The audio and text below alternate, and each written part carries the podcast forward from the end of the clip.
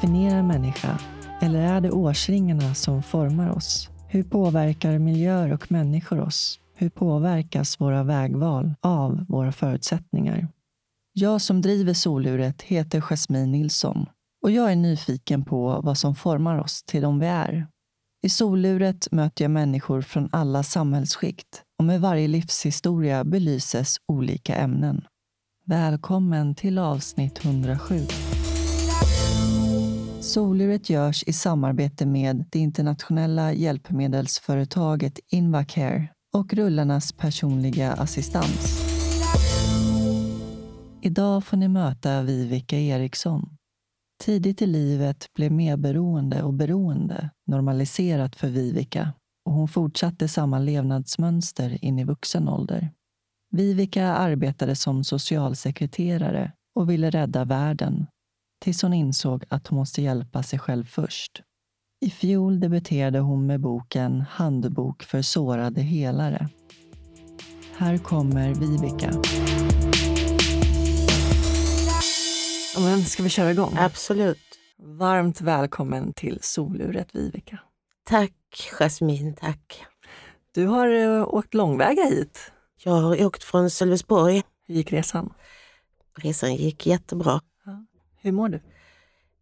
Jag mår bra. Jag, ehm, som jag sa precis till dig, jag är jätteglad för att vara här och jättetacksam för den här möjligheten att få berätta om min bok. Och uh, det känns spännande och bra och det känns som att detta är ett uh, så fint och vackert uh, forum för mig att befinna mig i helt enkelt. Mm. Tack. Mm. Jag är jätteglad att du hörde av dig också och mm. berättade om mm. din bok mm. eh, som heter Handbok för sårade helare. Mm.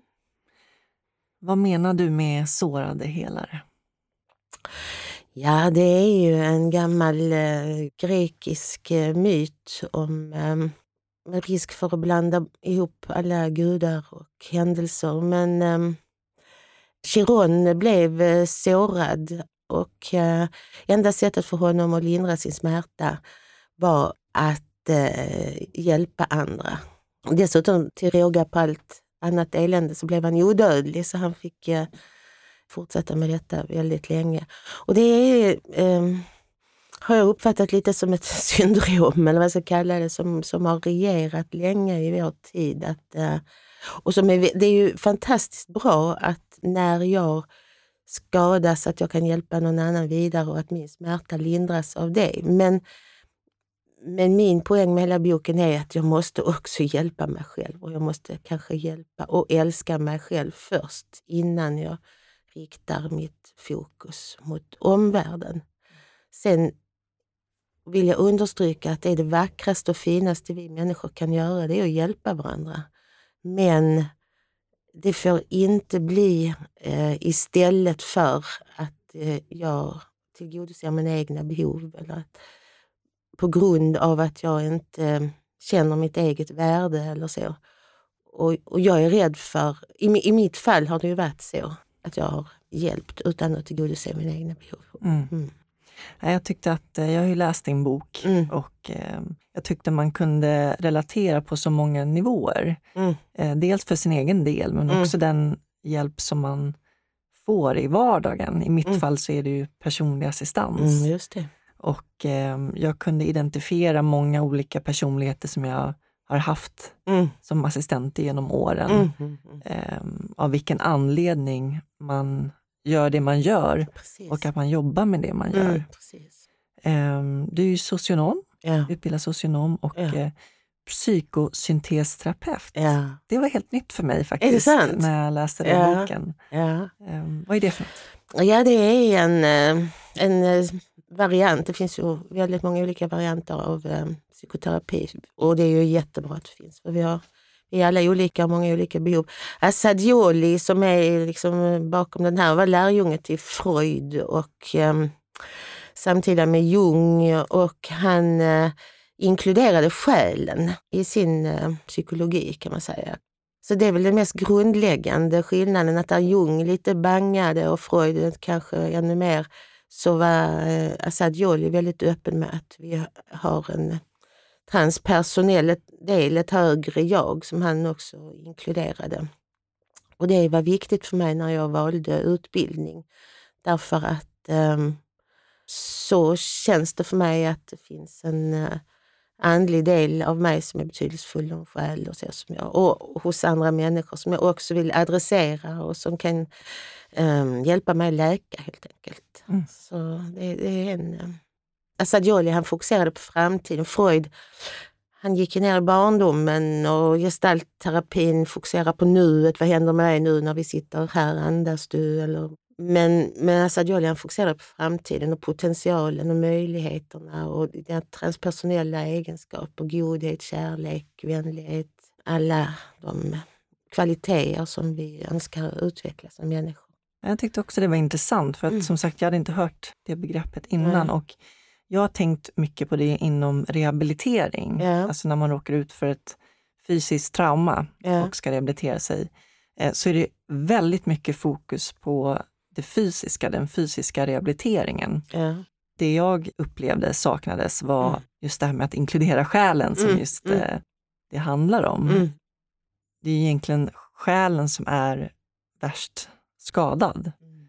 Och för att kunna ha styrkan och orken att jobba med det fysiska mm. så måste vi först jobba med, med själen och det inre. Eh, för att hitta kraften. Ja, gud ja. Ja. Och där tycker jag att man glömmer bort det just i rehabiliteringen. Ja. Själen. Hur ska vi rehabilitera själen? Ja, ja men verkligen. Alltså överhuvudtaget att vända sig inåt och hitta styrkan och kraften inom mig. Mm. Mm. Eh, boken handlar också om eh, dina personliga erfarenheter kring eh, beroende och medberoende. Mm.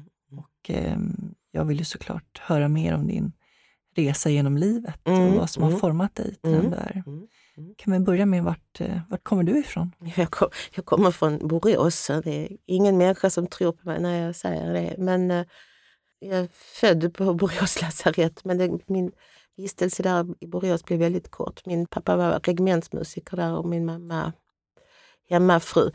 De, min mamma kunde inte ta hand om mig och det är ju liksom ursprunget till boken att eh, jag blev bortlämnad tidigt då till min mormor och morfar. Och, eh, Hur gammal var du då? Jag vet inte, det här har liksom varit väldigt luddigt. Man har berättat väldigt kortfattat. Eh, jag tror att detta var ju 50-tal och 57 föddes jag och Myndigheterna var ju inblandade, så mycket vet jag och förstår jag. att det var och, ja, Kanske en tid på barnhem och så. Jag blev vanskött av min mamma de perioder som, som hon fick ha hand om mig. Så förstår jag, men ingen har, i min släkt eller familj har velat prata så mycket om det. Och inte min pappa heller. Och han är död sedan många år. Så, så jag vet inte så mycket mer än att det är liksom förknippat med skuld och skam och, och så. Men som också är lite märkligt är ju att jag alltid haft, hade sån aversion mot henne. Även som litet barn. Att jag har alltid haft svårt att vistas i samma rum som henne och svårt att andas när hon är i närheten. Och, um, jag har skrikit så mycket om jag skulle bli lämnad till henne att uh, man har inte kunnat lämna över mig till henne. Och inte till min pappa heller för den delen. Så, så att jag har ju eh, barndomstrauma i kroppen. Och den här eh, väldigt märkliga eh, relationen till min mamma, den präglade ju mitt liv upp till vuxen, långt upp i min vuxna ålder. Men som barn så undrade jag alltid varför jag inte älskade min mamma. Därför att så skulle man ju göra. Alla barn älskar sin mamma. Du vet. Barn är så otroligt förlåtande också. Ja, ja eller hur. Mm. Eller hur. Och um, ja, min mormor morfar satt upp en vacker tavla med en väldigt vacker mamma som satt med sitt eh, spädbarn i famnen över min säng. Och påstod att det var min mamma och jag. Som en Maria-bild? Ja, alltså. Mm. typ. Och, och, och jag liksom, det var så konstigt alltihopa. Ingen pratade klarspråk. Det var den tiden också? Ja, det var ju den mm. tiden och, och jag har förlåtit. Det finns ingen, ingenting sånt. Men jag kan liksom det här minnet av att inte... Och nu kommer din mamma, Nu kommer din mamma, nu ska du vara glad. Och så försöker man liksom då pigga upp mig, att min mamma, och så kommer min mamma och säger liksom försvinn. Och hon är helt ointresserad också. Hej! Liksom så. Och sen, hon var inte intresserad av mig. Och det är, alla mammor är inte så jätteintresserade av sina barn. Mm. Så att liksom, ja. Men, men det, det har ju präglat mitt liv naturligtvis. Och svårighet till nära relationer och tillit. Hur var det att växa upp med mormor och morfar? Ja, det var ju också speciellt, men det var på, många sätt väldigt, väldigt bra. Det, jag tror att det är bra att växa upp med, med den generationen. Hoppa över sina föräldrar på sätt och vis, för de har ju hunnit bli äldre och klokare och mogna på många sätt. Så att det var säkert jättebra på många sätt. Men um, det blev svårt när jag kom upp i tonåren och uh, då märktes det väldigt tydligt. Att, mm det var ett glapp. Och sen så var det ju en känslomässigt dysfunktionell familj. På vilket sätt? Ja, det handlade om... Ehm, jag har ju tagit fasta på den delen som handlar om alkoholen. Att, eh, att min, min morfar han söp bort sin möbelfirma på 30-talet. Och sen, det, det är ju också, alkoholen är ju också bara ett symptom på att någonting är fel. Och så, men man, man kan inte så var det i alla fall. Så, så att jag tror att, att det här med beroende och så, och också att min mamma var beroende, men de termerna eller alkoholist eller så har vi ju aldrig nämnt i vår familj. Och, och det är, är ju väldigt, vad jag förstår, vanligt att man inte gör det. Utan det är den här berömda elefanten i rummet. Man pratar inte om det, så pappa är trött. Och, min morfar hade ett alkoholberoende som mildrades liksom på äldre dagar faktiskt. Och min mamma hade också det. Och också den tidens, 50-talets tro på tabletter och mediciner så gjorde att hon kunde blanda liksom, mm. alkohol och tabletter. Ja, men allt som hade med psykisk ohälsa att göra var ju sånt tabu. Då, ja, ja, ja, det var det Man skulle lägga locket på. Ja precis och, och, min morfar gjorde det väldigt aktivt också, också på ett bra sätt för han ville inte att min mamma skulle bli um, omhändertagen eller liksom inspärrad på något dårhus. Och så, så därför så lät han henne. Men han, han räddade ju mig från henne och lät mig växa upp i på många sätt ett väldigt, väldigt gott liv hade jag uppväxt. Så, så att, uh, jag är väldigt tacksam för det också. Det, det, så komplext. Det finns många aspekter. Ju äldre man blir, mm. desto fler nyanser ser man. Ja. Så mycket mer av glädjen och allt det goda. Så. Hur var det som barn? Ja, jag var ju lillegammal, sa alla. Och det handlar ju också om lite, delvis då min mormor och morfar. Och jag började spela piano tidigt. Mina föräldrar var ju musiker och hade träffats på det viset och klassisk musik. Men jag hade också mycket tid för mig själv och jag var inte ute med de andra barnen och lekte utan jag satt hemma och funderade och läste tidigt och så, var intresserad av Shakespeare och sådana konstiga saker och hade funderingar på krig och fred. Och jag tror jag var väldigt fri liksom, i tanken på något sätt. Jag var kanske väldigt begränsad fysiskt och i en yttre värld. Men i min eh, inre värld så var jag fri och men att omgivningen uppfattade det som att jag var lillegammal och att jag liksom eh, på något vis som jag tyckte att jag var för fin att leka med de andra kamraterna på gården. Eller. Och det, det vet jag att det beskriver i boken också lite grann. När jag förstår det här att jag inte är riktigt som de andra barnen så gör jag ju allt för att liksom släta över det och bli vanlig. Mm. Jag läste att eh, ett citat där i tonåren hade jag fått en viss marxistisk skolning i vänsterrörelsen. Ja, gud ja.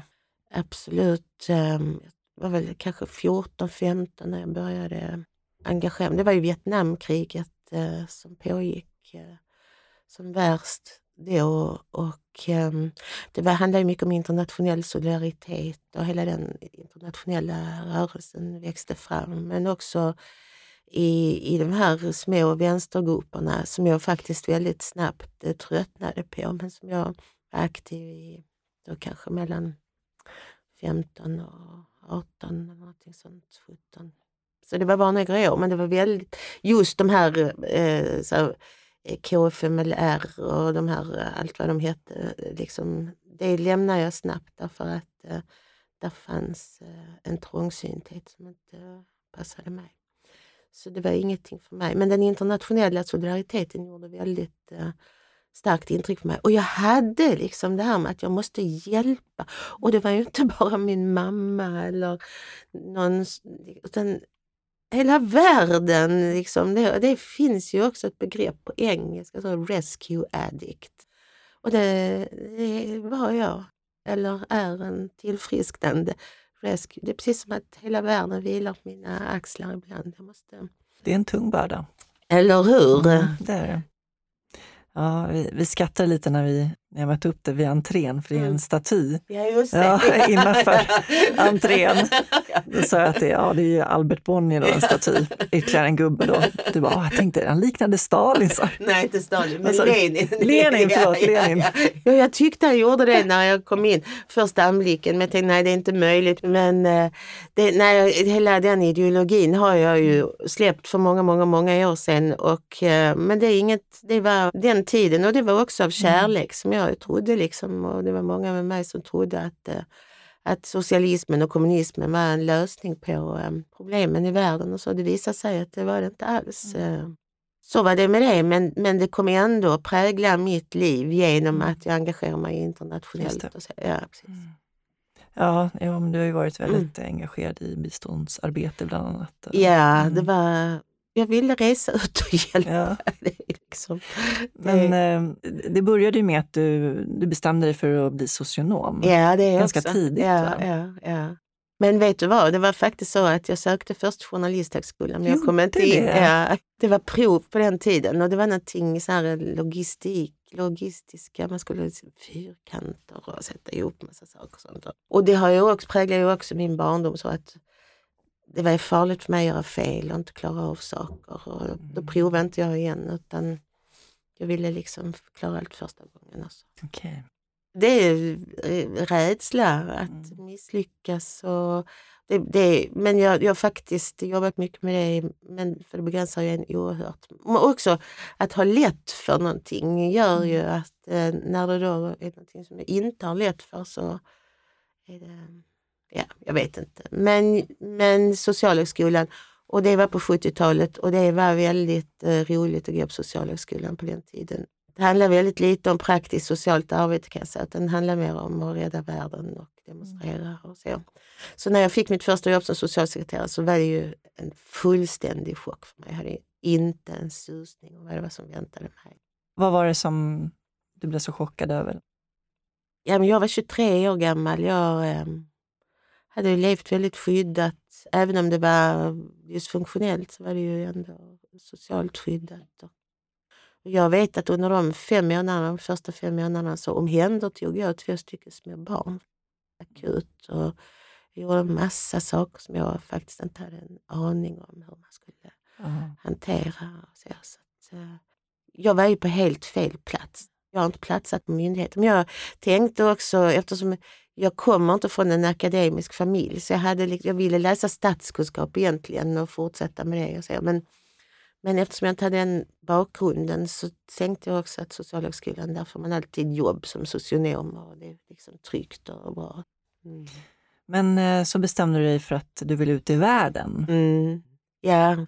ja, jag gjorde ju först lite resor då till um, Indien och jag var på Kuba, solidaritetsbrigad och jobbade. Det var galet roligt. Det är sådana erfarenheter nu när jag tänker tillbaka på det. Så det är otroligt roliga och spännande och lärorika erfarenheter. Jag körde buss genom Sahara och gick på resande folkhögskola och hos Moder Teresa i Calcutta. En väldigt kort tid, för jag klarar inte av det känslomässigt. Men jag, vad, vad hände då? Det blev vad... Eh, där jag kom till barnhemmet i Calcutta, det var ju eh, när man kom in där, när jag kom in där så kom alla barnen och satte sig på mig som små apungar med sugg. De var liksom helt... Ehm, ja, de kom och kröp upp i min famn och överväldigade mig samtidigt som det gick runt. Och jag vet speciellt en familj från Holland som eh, letade ett barn att ta hem helt enkelt. Och så mitt eget inre sårade barn var ju så eh, känsligt så det fungerade inte alls för mig. Jag blev fullständigt eh, överväldigad av det. Jag kunde inte stanna helt enkelt. Och det här med de välja barn och de som blev bortvalda och det, misären faktiskt. Det var ju helt rent som jag minns det, men väldigt um, speciellt.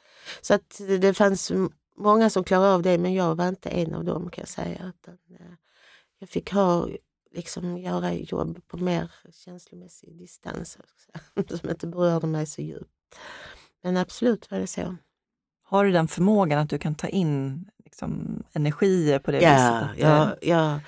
De, de, de begreppen fanns ju inte när jag var ung och växte upp och så. Men jag förstår ju att jag är... Um, Hypersensitiv. Ja, verkligen. Och första jag läste om det, det var väl när jag hade spegelneuron synestesi, tror jag. Man spegelneuroner när man speglar sig i varandra. Jag känner ju andras um, känslor i min kropp och jag har, gett, jag har tränat i många, många, många, många år på att skilja liksom, var slutar du och var börjar jag? Och när gör det ont i din kropp och när gör det ont i min kropp? Och jag har varit helt eh, gräns, gränslös, är ju ordet mm. där. Jag har inte haft någon gräns för mig själv. Nej. Men det är ju fantastiskt idag att det finns eh, ord för det. Ja, ja, att man kan, eh, för det har jag ju aldrig pratat om. Nej. Så, utan det är Alltså det har varit konstigt. Någonstans tror man att alla människor känner samma som jag gör. Och mm. också det här att jag upptäckte att jag hade synestesi. Då var jag ju i 50-årsåldern. Mm. Och då ser inte alla människor ord i färg. Och liksom, det är jättekonstigt för jag har aldrig reflekterat över att jag har avvikit. Men jag har känt mig avvikande. Men, och det fanns inte begreppet narcissism har man, på det sätt som man använder idag mm. har jag ju mm. aldrig heller reflekterat över att, att min mamma kanske hade narcissistiska drag och inte hade förmågan att dela med sig av sig själv på det sättet mm. som jag hade önskat. Men um, du bestämde dig för att gå en kurs på Sida i ja. biståndsarbete. Ja, precis. Sida hade på den tiden eh, en statlig utbildning, betald utbildning faktiskt, man kunde söka till för att resa ut som biståndsarbetare. Mm. Och den kom jag in på och eh, sen reste jag till eh, Guinea-Bissau. Mm. Och hur var det? Ja, då hade jag ju varit ute en del i världen så det var ju inte så, det var ju så, så, så speciellt. Jag vet, den här podden här räcker inte till om jag ska berätta lite underbart om Guinea-Bissau på den tiden. Men det var ett litet, litet land i Västafrika som precis hade blivit befriat från portugiserna. Och där var det så orört. Portugiserna hade inte byggt upp någon byråkrati eller det fanns inga diamanter, inget guld. Och de hade bara använt det som en hamn på väg ner till Moçambique och Angola. Där. Så att här, människor Alltså, underbara. Och, och jag hade rest i Nigeria och andra länder där i Västafrika där det var livsfarligt att liksom resa runt på sina håll. Och mycket kriminalitet och så, men där var det väldigt fridfullt fortfarande på 80-talet och vänliga människor. Otroligt eh, en stark upplevelse. Idag är det ju en knutpunkt för narkotikahandel, en sopstation för internationella radioaktiva sopor och ja, väldigt sorgligt. Eh, men, men då är var det väldigt fint och väldigt eh, underbart att komma dit. De hjälpte mig mycket mer än vad jag hjälpte dem. Tyvärr. Jag vet att jag kände mycket kärlek och att jag fick vänner där nere och delade mycket med dem utan så mycket språk egentligen och så att det ändå bidrog till någon sorts eh, ökad förståelse eller kärlek i världen. Men där på min arbetsplats, Impedens National, där eh, var det ju svårt att eh, göra någonting. Men det var väl i samband med det också som du träffade din man? Ja, det var det. Mm. Han gick samma utbildning som jag. jag det var liksom det absolut bästa utbildningen i hela världen som man kunde gå på enligt mig. Jättesvårt att komma in. Man kom in efter vilket yrke man hade och det var liksom 90 procent var socionomer som sökte. ja, men han hade ett helt annat liksom, ja. yrke och därför hade han kommit in direkt fast, för det fanns ingen annan i hans eh, yrkesgrupp som sökte. Och, så. och jag var ju inte så intresserad av vad jag själv kände utan jag var liksom, gick på de yttre, vi går samma utbildning, vi vill åka till Afrika. Och sen att jag kände vissa osäkerhet och oklarheter och allting var lite så. De signalerna, varningssignaler och så, de negligerade jag totalt. Eh, så att det blev ju inte bra. Därför att han var ju då alkoholist och narkoman. Och, eh, han, berättade för, han berättade för mig att han var narkoman. Men att han hade då slutat eh, med sitt missbruk. Och, ja, så, så det blev eh, inte bra. Men det var ju ändå en fantastisk upplevelse och det var mycket roligt tillsammans. Han var också en väldigt kärleksfull människa som fick många vänner där nere. Absolut. Mm. Men eh, vi kom hem och fick vårt första barn. Sen fick vi ett barn till och vi var tillsammans i nästan tio år. Hur, hur liksom utvecklade det sig med, med beroendet? Ja, det är det som är så lurigt eh, med mm. den här beroendesjukdomen. Så om man är uppvuxen med det som jag, så det är helt normalt. Ja, precis. Ja. Och att en människa som jag kan prata med, som jag pratar med dig nu, nästa stund är lite frånvarande och konstig och så. Det är självklart för mig. Och, eh, och, och man blir väldigt olycklig och får något utbrott och så. Så det är också, ja, så är jag uppvuxen. Eh, så det var mitt sätt att leva. Mm. Och sen drack jag ju själv också. Inte alls i samma utsträckning och jag har aldrig använt narkotika. Men jag drack ju med honom stundtals för att liksom lindra min smärta och komma på samma nivå. Och, så. och jag utvecklade sen också en egen alkoholism efter att han var död. Men, eh, men det, det är... Ehm, att, att vara uppvuxen med det här är uh, lurigt. Ja. Och då, det är oavsett vad du är uppvuxen med så är det ju din habitat, eller vad säger man? Ja, men precis. Man ja. normaliserar. Jag, min pappa var alkoholist ja. och ehm, eh, de separerade när jag var tre år. Ja. Men ehm, eh, jag fick börja träffa honom igen när jag var ja, fem, sex och då bodde han hos mina farföräldrar. Ja. Um, så då kände sig mamma ändå trygg med att jag kunde åka dit och träffa honom ibland. Ja. Men det var en annan stad. Och jag är otroligt tacksam för att jag fick den tiden med honom. Men um, jag började ju ganska tidigt upptäcka att han, uh, att han hade ett missbruk. Ja. Uh, så. Men jag visste ju att om jag berättade det för mamma så skulle jag inte få träffa honom. Ja, just det. jag ville ju träffa pappa. Mm. För eh, jag kunde ändå se skillnaden på när han var sitt riktiga jag mm, mm. och när det var missbruk. Mm. Men eh, som jag sa där innan, hur otroligt förlåtande barn är. Mm. Att, eh, att man ändå ser på sin förälder med så mycket kärlek. Mm. Och just att man kan se skillnaden. Mm. Det är otroligt. Men just det här, eh, ja, det ju ett, blir ju ett medberoende. Ja. Såklart. Det blir det ju. Och det är det som vi kallar vuxet barn idag. Att man växer upp med det här medberoendet och, och det hämmar lite grann ens utveckling till en fungerande vuxen mm. därför att man föds in i medberoendet. Mm. Jag var ju väldigt, eh, som jag skriver i boken också, mån om fasaden. Det var ju, så var jag också uppvuxen att eh, ingen skulle veta någonting. Och det tycker jag fortfarande än idag att det är så märkligt för alla måste ju ha förstått. Men ingen sa någonting. Det är sånt tabu. Alltså. Ja, det är sånt tabu och det är därför också som jag har skrivit den här boken och som jag så gärna vill prata om det. Därför mm. att fasader är ett otyg helt enkelt. Mm. Och den skammen och skulden och så som man känner, hade den bara kunnat stickas hål på så hade vi haft um, en helt ny generation av bättre fungerande människor.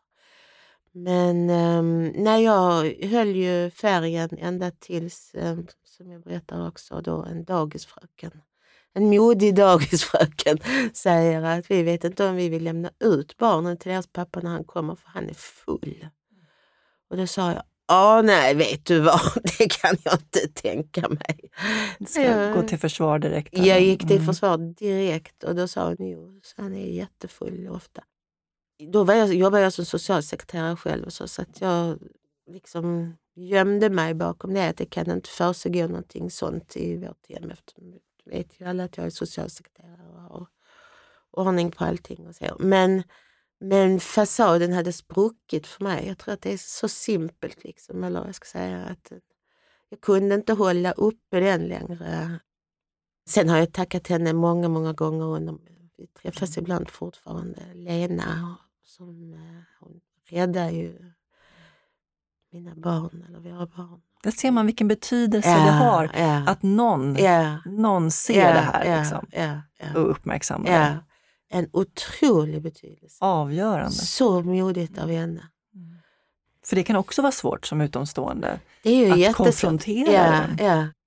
ja, fantastiskt. Och det, jag gick hem och liksom tänkte att hon är inte riktigt klok då i, jag vet inte, kanske timmar eller en dag. Jag tror inte en hel dag. Och sen så då hade det gått så långt så när jag väl sa till min man då att jag vill skilja mig, då bara tog han sina grejer. Och sen hade vi en lång vårdnadsutredning. Det var den tiden, kanske på 80-talet, att det var väldigt viktigt att papporna skulle träffa sina barn till vilket pris som helst. Och det kunde vara sexuella övergrepp och det kunde vara allt möjligt, men barnen skulle ändå träffa sina pappor. Jättetufft var det, men det var nog det mest betydelsefulla jag har gjort. Det var att jag stod upp för mina barn där och eh, drev det att jag vägrade lämna ut dem till honom då utan att eh, jag var med.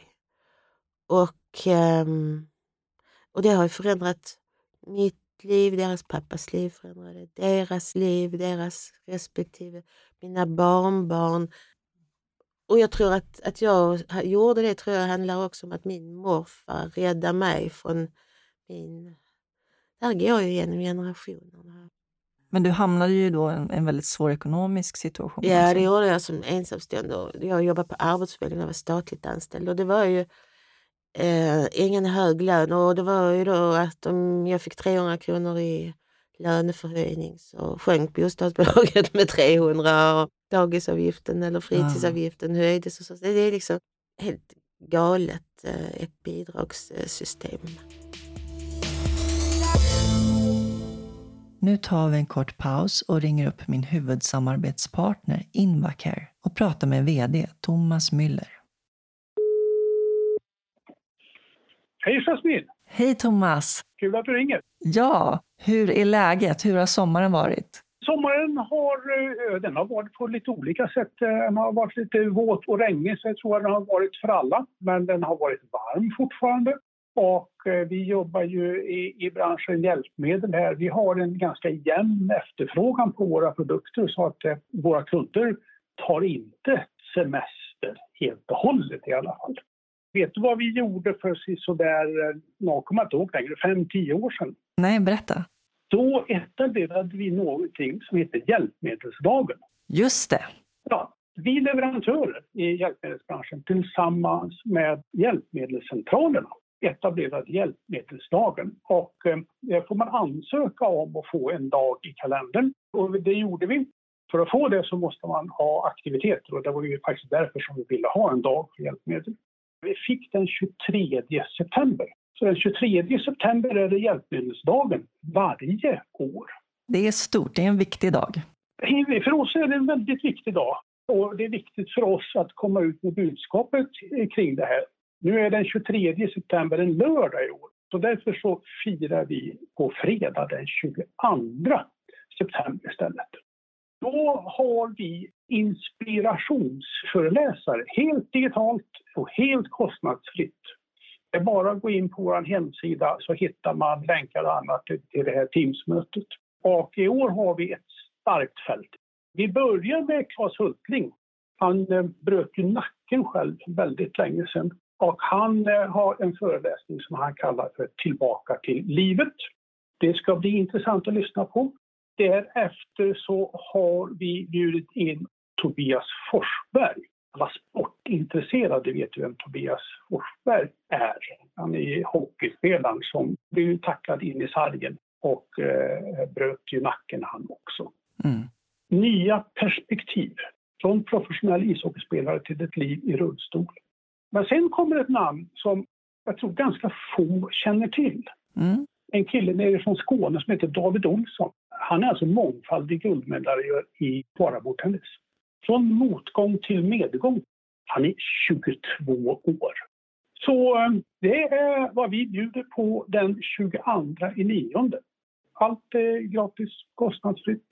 Om man lyssnar på poddar och annat så är det här nog absolut något man ska ta del av. Det låter jätteintressant och som du säger, det här är någonting som kan vara intressant för alla. Ja, ja. Tack för samtalet Thomas. Ha det bra så länge. Tack själv. Sköt om dig. Hej då. Hej. Du bestämde dig sen för att starta eget. Berätta om det steget när du bestämmer dig för att göra det. För att jag har förstått det som att du blev ju involverad i entreprenörskap just när det gäller kvinnor framför allt Ja. och i nät, olika nätverk och så. Ja, mycket så. Ja, Jag jobbar mycket med kvinnor. Och det var också tiden då, 90-talet, eh, fanns det ju pengar också till eh, kvinnliga nätverk och resurscentrum för kvinnor. Och kvinnligt, och det var ju Centerpartiet och Karin Söder och en politisk eh, fråga då. eh, Det var ju fantastiskt roligt och lärorikt.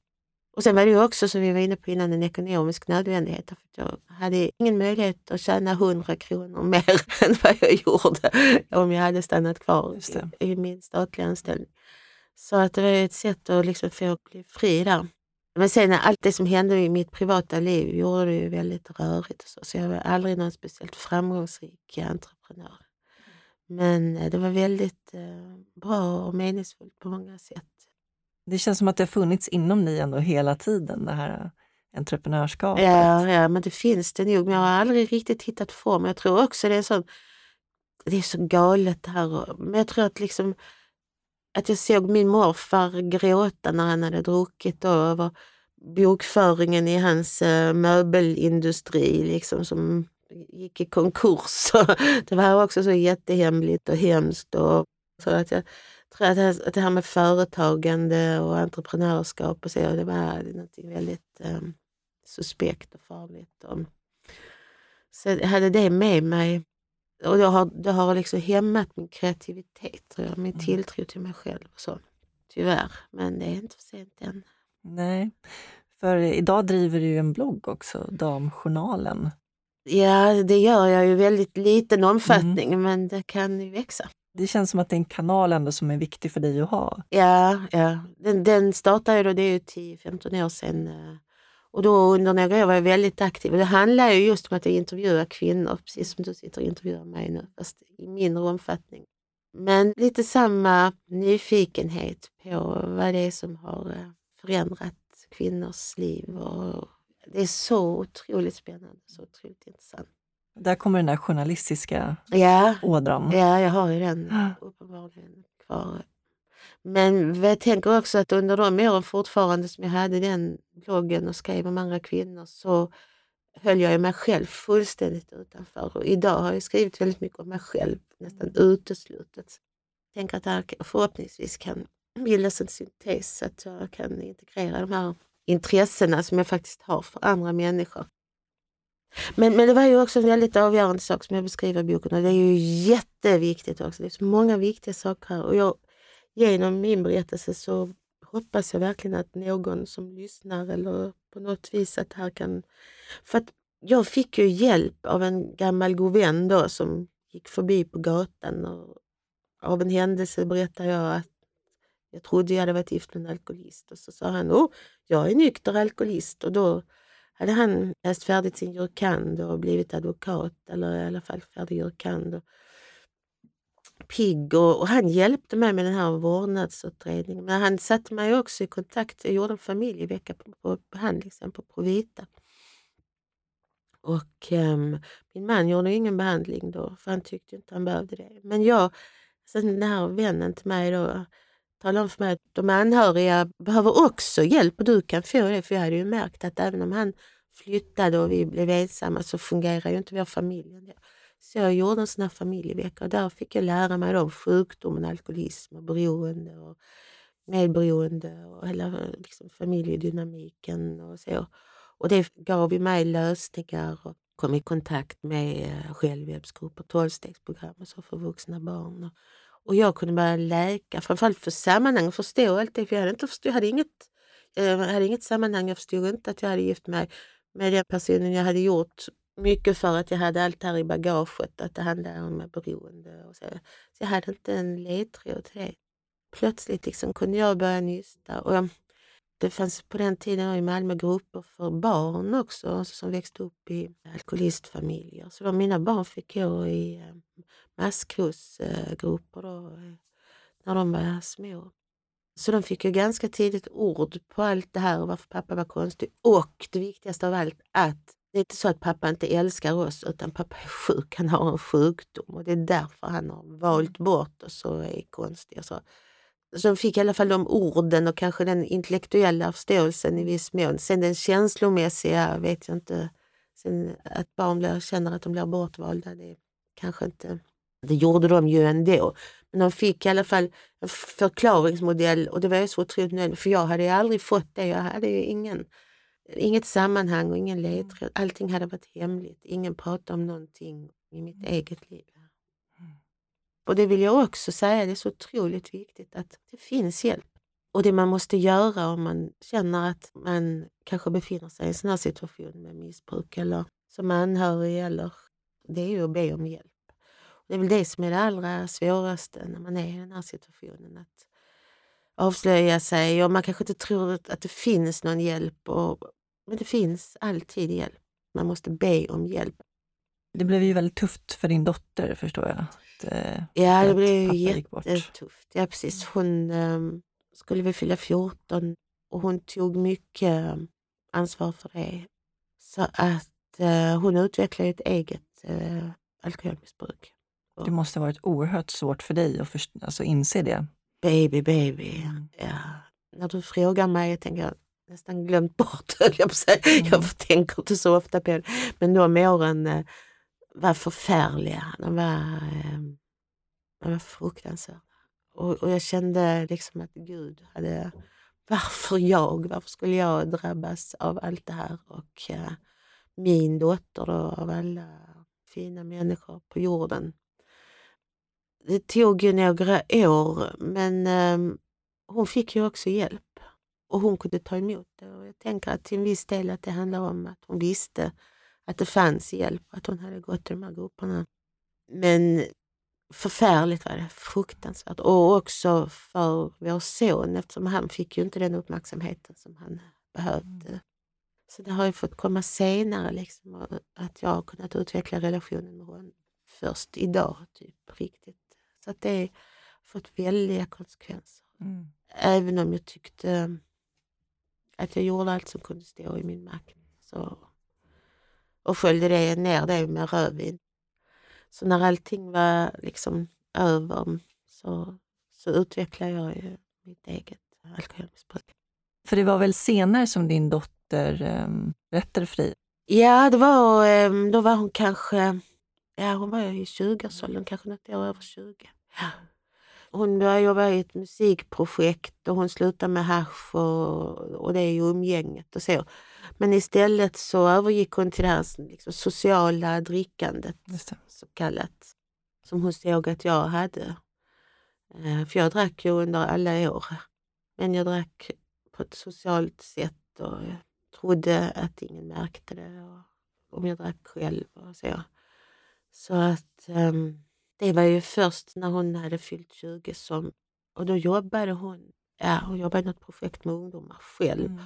Och då säger hennes mentor till henne att vet du vad jag tycker inte du ska göra det här för jag tror att du är alkoholist. Mm. Och hon blev liksom helt ställd och kommer hem till mig och säger mamma jag är alkoholist. Och jag får rusa ut och hälla ut rödvinet i vasken för där satt jag ju, jag tror det var en söndag eftermiddag, med min rödvinsflaska.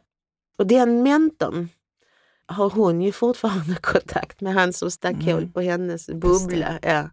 Så att um, ytterligare en räddande ängel där som träder in ja. och um, säger sanningen. Liksom. Mm.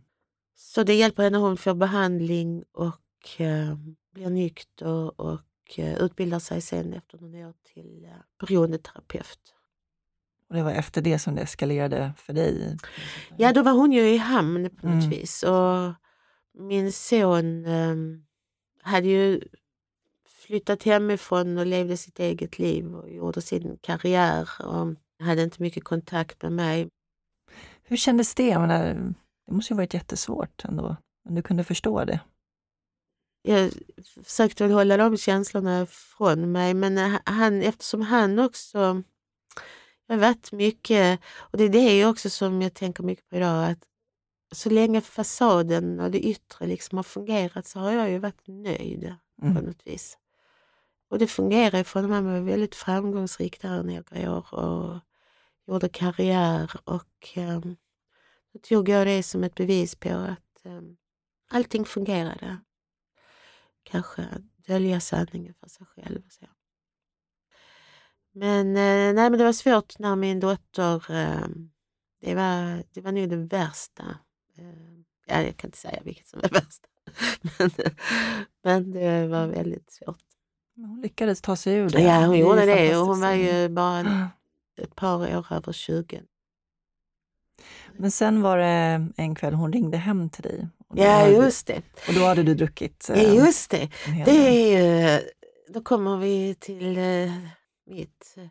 Där eh, hon, det var när hon eh, hade gått klart den här marioterapeututbildningen så bodde hon ju i en stad långt ifrån Malmö och eh, skulle flytta tillbaka och eh, hade sökt jobb och fått jobb i Malmö och ringer till mig för att berätta det. Men just den kvällen hade jag druckit mer än min. Jag ransonerade till slut, orkade inte hålla på och ljuga för mig själv. Och så, idag ska jag inte dricka, så visste jag att jag drack en del. Och så, så jag sa, du får dricka en liter rödvin i veckan. Men det blev ju ibland blev ju mer. Jag drack det i sängen innan jag somnade liksom, för att bara slå ut mig. Jag hade druckit eh, så mycket så att jag vågade inte svara. Jag såg att det var hon som ringde. Och nu var hon ju dessutom beroendeterapeut. Det. Det var liksom eh, så jag svarade inte. Så hon ringde flera gånger. Och, men när hon ringde den femte gången så gick det liksom in i min hjärna att uh, det är någon som har dött. Eller det måste vara någonting som uh, gör att hon ringer så många gånger. Så jag svarade. Och uh, då berättade hon att hon har fått jobb. Och då säger jag, wow så kul, vi måste prata om det imorgon. Och det som är ytterligare intressant med detta är att hon hörde inte att jag var berusad. Mm. Hon var ändå van, som vi säkert, att höra mig berusad. Mm. Oh, Gud, ja. Du? Det är normaltillstånd. Alltså det, det är normaltillstånd. Ja. Så det här är ju så komplext. Det är så många lager av det här och så mm. galet. Så att, um, men i alla fall så um, det var liksom min botten där. Och då visste jag, då hade jag ju tillhört en självhjälpsgrupp också i tolvstegsprogram i många år för vuxna barn. Och så, så jag visste ju allting om alkoholism. Och, men jag drack inte. Och då, mm. då har liksom det här intellektet, det, förståndet, det är helt frånkopplat. Mm. Men det vände där på något sätt? Ja, alltså, det vände. Du hittade någon inre kraft där? Ja, alltså... hittade, ja precis. Och det var ja, min högre kraft som jag ser det, som liksom trädde in. Och jag kapitulerade, liksom. det går inte längre. Det är väl det jag tror också om, om eh, beroende och så att det här med att vilja och kämpa och gå på vita knogar och inte dricka idag och inte dricka. Och, alltså, det funkar inte. Utan det som fungerar, som är så otroligt svårt att komma till men ändå väldigt, väldigt det är liksom när man ger upp jag fixar det inte längre. Nej. Och i kombination med att be om hjälp. Jag behövde inte gå på någon behandling eller så, utan jag gick på AA helt enkelt. Jag gick självhjälpsmöten minst ett om dagen, mm. länge och uh, skaffade en sponsor. Också hade jag en enorm glädje av min andlighet och jag fick ju tillbaka den och kunde utveckla den kontakten med mitt högre jag på ett helt nytt sätt. Mm. Du skrev något väldigt bra där i boken, tycker jag. Ett citat här. Det finns inga frälsare. Det finns ingen som kan rädda en annan människa. Om du försöker göra det kränker du den andra människans rätt till självbestämmande och fria val. Du väljer din verklighet, andra väljer sin. Mm. Ja, det är sant. Det är sant. Och jag är övertygad om att det är så. Jag hade hela mitt liv fram till den punkten hade gått ut på att rädda andra. Men alla väljer själv. Och det, det största tror jag, jag har gjort det är när jag räddade mig själv till slut. Mm. Och det hade ingen annan kunnat göra åt mig. Nej. Nej. Och um, En annan sak som du skrev var också att självuppoffring och martyrskap är det största hindret för ett sunt hjälpande. Ja, Och du sa också att när vi pratade på telefon igår att, att det är kontroversiellt att prata om Ja. olika typer av hjälpande och Ja. eh, varför man hjälper. Och jag tycker det är så otroligt viktigt att lyfta, som jag nämnde där i början, att jag har så mycket erfarenhet av personer då, som hjälper mig av olika anledningar. Att eh, just den biten också, det här med självuppoffring och martyrskap, Ja. som jag sett tydligt, att det, liksom, det lyser igenom. Det blir väldigt svårt att få hjälp av den typen av person. Alltså jag märker tydligt när det är självuppoffring, martyrskap, Ja. och när det är att man gör det från hjärtat. Ja. Man gör det för att man vill finnas där för en annan människa Ja, och för att man vill lyfta en annan människa och hjälpa en annan människa att leva då, som i mitt fall. Tack för att du tar upp det. Jag upplever det som lite kontroversiellt därför att eh, alltså om du säger att du är heroinist så för att lindra din egen smärta så är det inte speciellt eh, okej. Men om du, alltså att vara en rescue addict eller liksom eh, uppoffra sig för andra och lida och så, så är det fint helt enkelt. Eh, en väldigt viktig aspekt. Men jag upplever det som lite... Jag känner att jag... Det kanske handlar om mig, eller det handlar ju säkert om mig. Det kanske handlar till en viss del om samhället. Det är fint att vara utbränd och så, om man är duktig då, om man har jobbat för mycket. Och det är bättre att vara utbränd än att vara arbetslös liksom, och inte jobba alls. Man lat, det, lever kvar liksom fortfarande, Mm. de här värderingarna. Och det upplevde jag ju också mycket bland mina kollegor och sen när jag jobbade i olika socionomyrken tyckte jag mig liksom att eh, man slet ut sig. Jag hörde en väldigt bra liknelse en gång när man sitter på ett flygplan och de instruerar en att du måste ta på din mask först Mm, mm, innan du kan hjälpa någon annan. mm, mm, mm. Det tycker jag är en sån talande bild ja. av vad som är den mest sunda, Ja, mest sunda inställningen till varför man hjälper och hur man kan hjälpa. Man måste hjälpa sig själv först för att kunna hjälpa andra. Man måste älska sig själv först absolut. för att kunna älska andra. Och för att kunna älska sig själv så måste man känna att man har ett värde. att jag är en värdefull människa.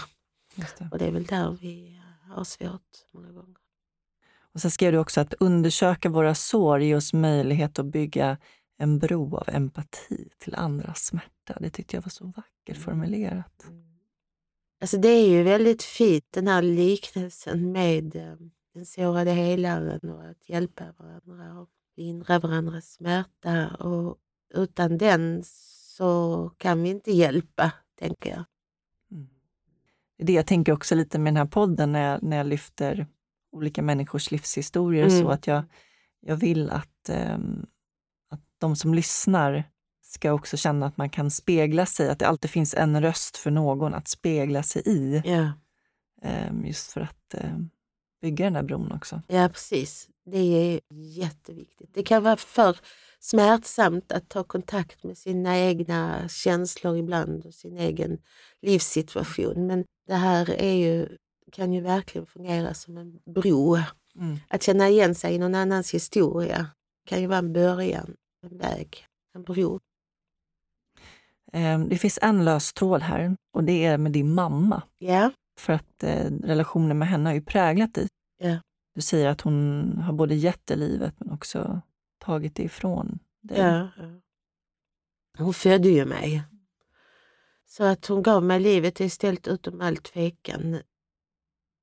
Ja, det, det här är jättekonstigt, men jag kan bara förklara det som så att jag hela mitt liv känt att det var hon eller jag, det var bara en av oss som kunde överleva. Och jag kan inte förklara det. Ehm. Jag eh, har känt en sån rädsla för henne och en sån ehm, skam kanske också. Men fysisk rädsla för henne. Som jag sa, jag har inte kunnat ibland vistas i samma rum som henne. Och, och det var kanske det att jag kände att om jag skulle ta mig själv på allvar och överleva så skulle det ske på hennes bekostnad. Att hon skulle förintas av det. Men det gjorde hon ju inte. Men det kanske var det lilla barnets skuld. Men eh, jag tänker när din mormor gick bort så Mm. ska man säga, la hon ett väldigt stort ansvar på dig. Mm. Att eh, du skulle lova henne att eh, Ta hand om min mamma. ta hand om din mamma. Mm. Jag lovade ju henne att jag skulle göra det och så, så hade jag en brasklapp då jag tänkte att jag ska göra det på mitt sätt och det är genom att låta henne sköta sig själv. Det Mm. är liksom mitt sätt att ta hand om henne. Jag var tvungen att ha någon sorts förklaringsmodell till det. Hur känns det nu att eh, fått komma ut med den här boken och din berättelse? Och... Det känns så bra. Det känns så jättebra. Jag är så glad för att, eh, att jag skrev boken. Och ehm, Jag tänker eh, på den som ett eh, litet barn eller någonting som ska flyga liksom eh, ut eh, till eh, de som behöver det. en liten fjäril. Jag vet inte. Nej men att jag tänker att den här boken kommer att hitta sin eh, plats. Som sagt, jag är så otroligt tacksam för att eh, jag fick berätta om boken. Och jag är tacksam att du är här och Ja, gör det också. ja, Jag tycker att det är roligt. jätteviktigt. Ja, vad roligt. Jag tänkte komma in på de här äh, stora frågorna, men Ja, först vill jag fråga, liksom, hur lever du ditt liv idag? Ja, jag lever ju mitt liv väldigt stillsamt just nu. Ehm, jag flyttade ju till Sölvesborg.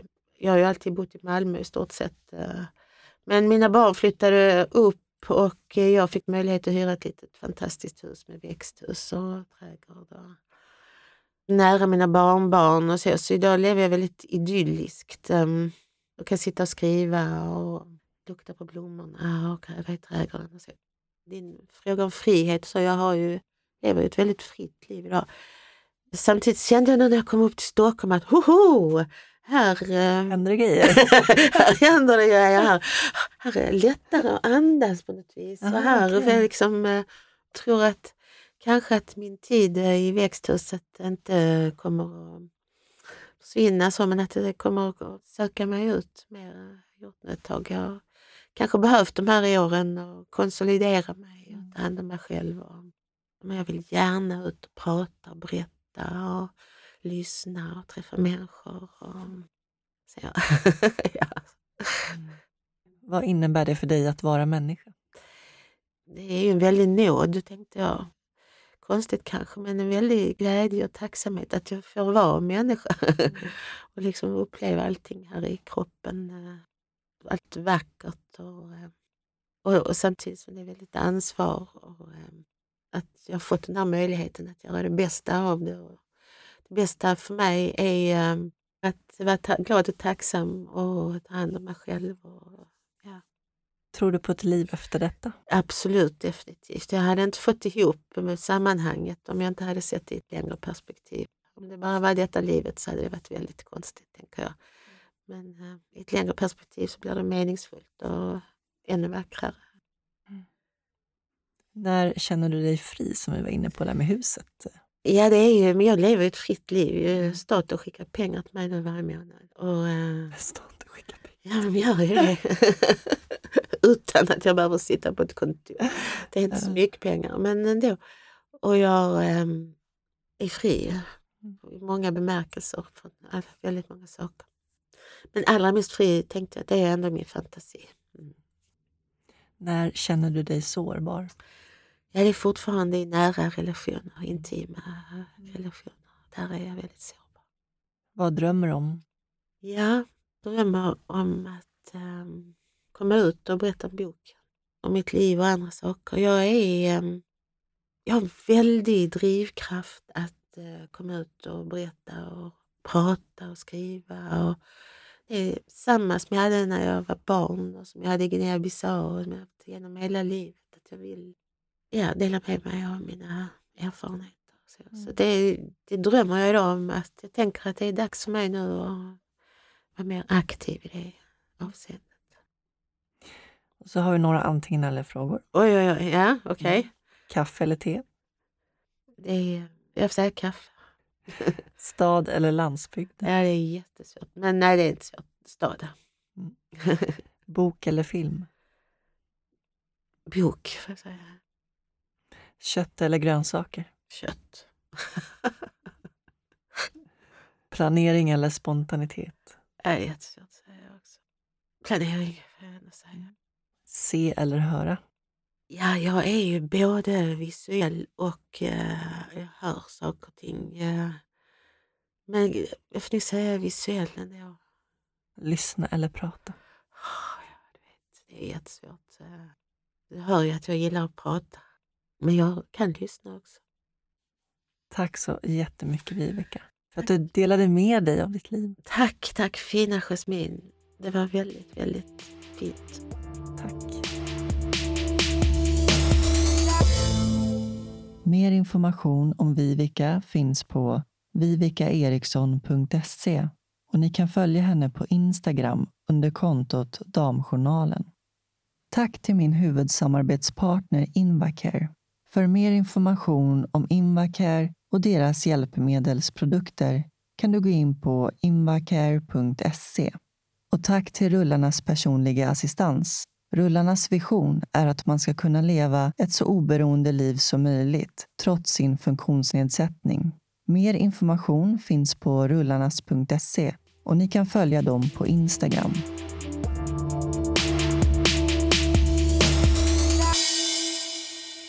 Nästa avsnitt får ni möta Erik Galvez. Erik kommer från en mångkulturell familj och i ung ålder hade han en längtan ut i världen. Efter några år av resande blev han musiker och flerspråkig. Han träffade sin fru i Pakistan och bara några månader efter att de hade gift sig bröt Erik nacken och blev förlamad. Tack så mycket för att ni lyssnade. Ta hand om varandra där ute. Puss och kram.